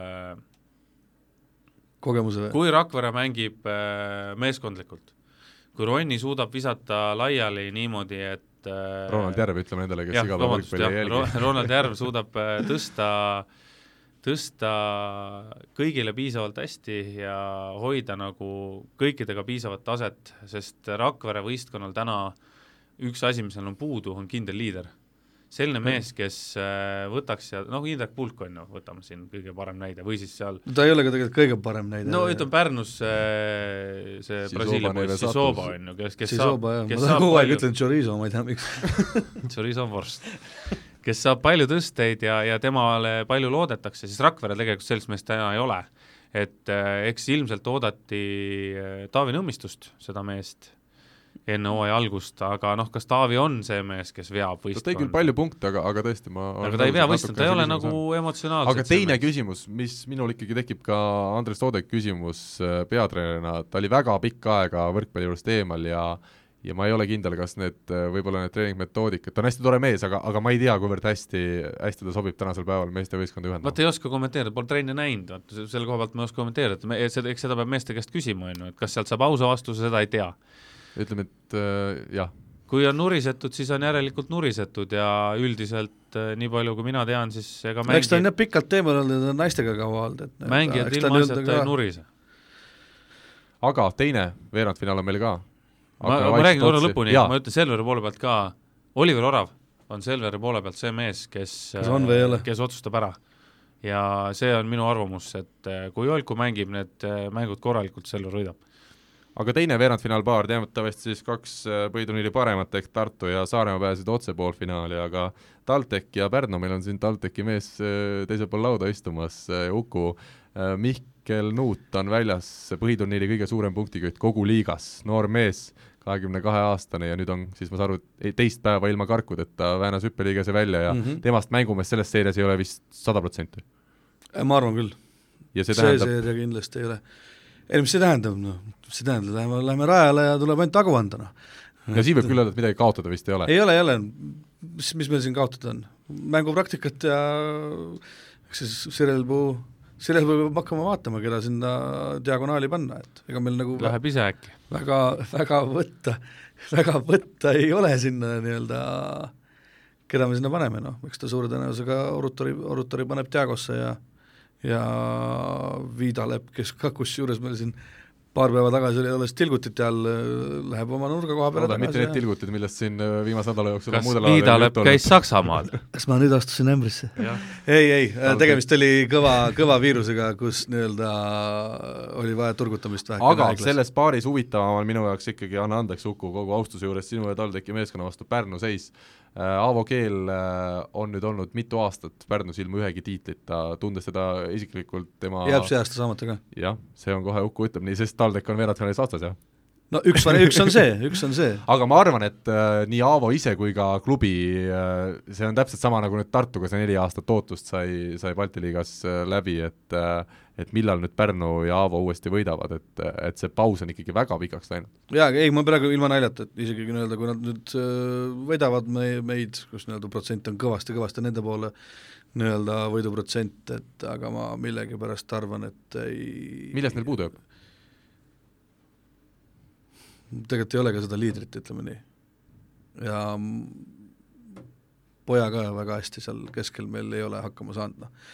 tegelikult enne Musti tulek, nii-öelda see annab vähekene nii-öelda plussi juurde, aga millegipärast arvan, et nii-öelda pikemad seeriad eh, noh, eks Aavo arvab teistmoodi, aga ma arvan, et ei, ikkagi Tartu ja Saaremaa on, on, kes hakkavad seda asja lahendama seal. mina arvan Pärnu kohta nii, et äh, kui Pärnu peab mängima poolfinaalseerias, selles suhtes Pärnu välismaalased peavad mängima väga hästi. Kovaljov ja, ja Tšisoba peavad tegema väga hea partii mõlemad, sest kui neist üks ära kukub, siis on raske. Pärnul ei ole sinna täna võtta kedagi asemele ja panna ja ja ja jah, ma olen äh, selles suhtes Uku sinuga nõus, et ega ega Martti Keel ei ole ka maailma parimat hooaega teinud see aasta, et ta on, on ka mänginud ma arvan, oma taseme kohta, mis ta on kunagi mänginud ja mis ta võiks mängida, ta ikkagi mängib sinna keskele kuskil praegu. no ja Taavetit ei ole, seda Taavetit neil ei, seda Taavetit ei ole ka jah, ja sellepärast ma ütlengi, et, et, et neil ei ole nagu nurka panna, kui kukub Tšisoba, neil ei ole diagonaali panna kedagi no poisi heinet igale poole ei pane. jah, jah. et äh, ja, ja kui kukub üks nurkadest ära, siis ja täna ma näen, et see on pigem on see Kovaljov, sest ta on minu jaoks psühholoogiliselt nõrk mängija. Et ta ei ole kunagi vedanud ja ta ei ole kunagi, nii palju kui ma olen näinud, siis tähtsates mängudes ta ei ole olnud Pehme. see, kes ta peaks olema, jah, kes, kelle, kelle nagu, mis mõttega tuuakse välismaalane, on ju, et, et ta teeks asju mm. -hmm. et kui need kaks meest suudavad selle poolfinaalseeria mängida siis Pärnu võib saada finaali, aga minu arvamus on see, et mängida järjest kolm seeriat ja kui nad lähevad pikaks, Pärnu füüsiliselt ei pea vastu. Nad füüsiliselt lihtsalt ei pea vastu, need mehed. sest teistel võistkondadel, no nii Tartul kui ka Saaremaal on äh, käike ikkagi rohkem täna. Nonii, veerandfinaalidest räägitud, Uku, ma tean, et naised mängivad ka ja, ja Balti liigas tähtsad mängud on ees, väga lühidalt jõuad veel sellest paar sõna öelda? jaa, Tartu omad on, mängivad oma teist mängu Tartus laupäeval äh, kellaaega, ma, kui ma ütlen, siis ma valetan suure tõenäosusega. Nemad võitsid oma esimese mängu kolm-null leedukate Jonava vastu ja TalTech Treitaus naised mängivad oma teise mängu see laupäev äh, üheksandal kell viis Lilleküla gümnaasiumis Kaunas Esi- vastu. Kaunasega jah, et esimese mängu kaotasime üks-kolm, et nüüd on nagu siis peaks ütlema, et on nagu kodusaali eelis, et nii-öelda kui nüüd võidame laupäeval, siis oleks teine ja, või kolmas otsustav mäng meie juures, aga kahjuks kodusaali eelist me ei saa nagu ütelda, sest me ei saa oma kodusaalis laupäeval mängida, et äh, robot, eks? ei ole, Palusalu maadlusvõistlused on sees, mis on iga aasta olnud ja neid nii et sa oled sinna siis? neid seal nihutada ei saa, ma olen, ta ma on olen, ma olen, ma olen nüüd on seal ka sinu kord kohtunik on. sinu kord on tulnud, sa saad lõpuks oma sulg, ma ei tea, mis kaalus sa täna ma oled arvan, ma arvan, et kaal lubaks, aga vanus ei luba. mis kaalus sa täna oled? aga Kaunasega oleks tahtnud mängida oma saalis, sest äh, nendega me mängisime hooaja alguses seal kolm-kaks võitsime, et see saal ei sobi Kaunasele millegipärast, et äh, viimane mäng Lillekülas, mis me Kaunasega mängisime, oli siis, kui oli Final kaheksa, kui korraldati, ja siis me kaotasime poolfinaali kolm-kaks neile, noh, loodame, et seekord läheb vähe teistmoodi. aga sa, sina, kes sa oled kõige lähemal nagu naiste võrkpallile, ka nagu väga lähedal, sa oled seal põhimõtteliselt sees, on ju, kes favoriit on see aasta naiste võrkpallis Balti liigas? Tartu. Tartu. väga hea, lihtne ja lühike vastus.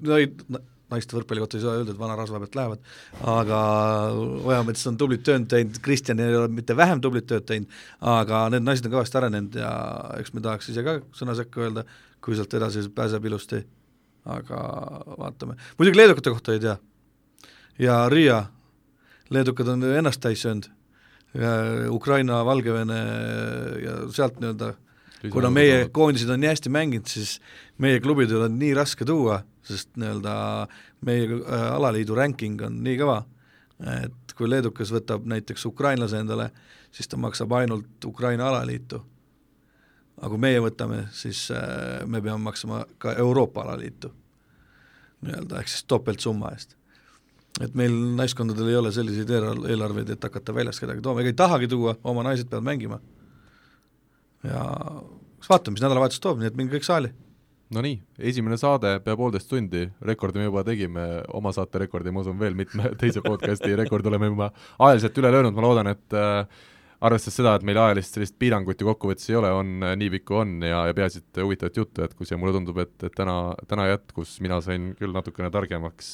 saate kokkuvõtteks siis nii palju, et ootame huviliste küsimusi kõiksugustel võrkpalliteemadel, Uku ja, ja Rivo on alati hea meelega valmis vastama, info et võrkpall kakskümmend neli punkt ee või siis võtke ühendust Facebooki kaudu võrkpalli kahekümne nelja lehelt, kirjutage küsimusi, märkige ära, kui midagi väga valesti oleme öelnud ja ja lõpetame siis sellega, et Eesti võrkpall on ikka jätkuvalt väga kõva, Oliver Venno kolmkümmend kolm punkti pluss kakskümmend kuus CEF Cupi poolfinaalis Venemaa tippklubi Kemerova Kuspassi vastu ja, ja finaalis ootab siis Istanbuli Galatasaray'd ees juba Trentino. sellest mängust, Oliver Vennost ja, ja paljudel muudel teemadel jõuame rääkida järgmisena juba nädala pärast, aitäh kuulamast ja ilusat nädala jätku!